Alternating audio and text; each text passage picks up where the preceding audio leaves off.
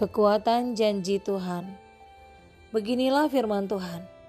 Jika kamu dapat mengingkari perjanjianku dengan siang dan perjanjianku dengan malam, sehingga siang dan malam tidak datang lagi pada waktunya, maka juga perjanjianku dengan hambaku Daud dapat diingkari, sehingga ia tidak mempunyai anak lagi yang memerintah di atas tahtanya. Begitu juga perjanjianku dengan orang-orang Lewi, yakni imam-imam yang menjadi pelayanku. Yeremia 33 ayat 20 dan 21. Meski Yehuda terus-menerus mengambil keputusan untuk menjauhi Tuhan, namun Tuhan tetaplah pribadi yang setia. Ia memegang teguh perjanjiannya.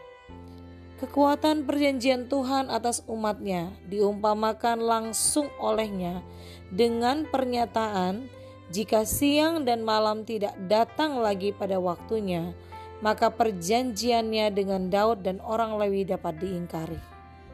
Hingga sekarang, dari sejak penciptaan di hari keempat, siang dan malam masih tepat waktu.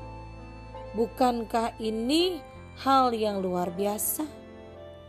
Kekuatan janji Tuhan inilah kiranya yang menguatkan kita untuk tetap menunjukkan kesetiaan kita kepadanya. Janji Tuhan ialah juga kiranya yang membuat kita tetap beriman dan berpengharapan meski terasa di tempat pembuangan. Kekuatan janji Tuhan inilah juga kiranya yang membuat kita berpegang teguh dan tidak goyah. Terima kasih Tuhan, bahkan hingga kini siang malam masih kami nikmati. Dan kami yakin kami berada dalam janji-janjimu yang menghidupkan. Dalam nama Tuhan Yesus Kristus. Haleluya. Amin.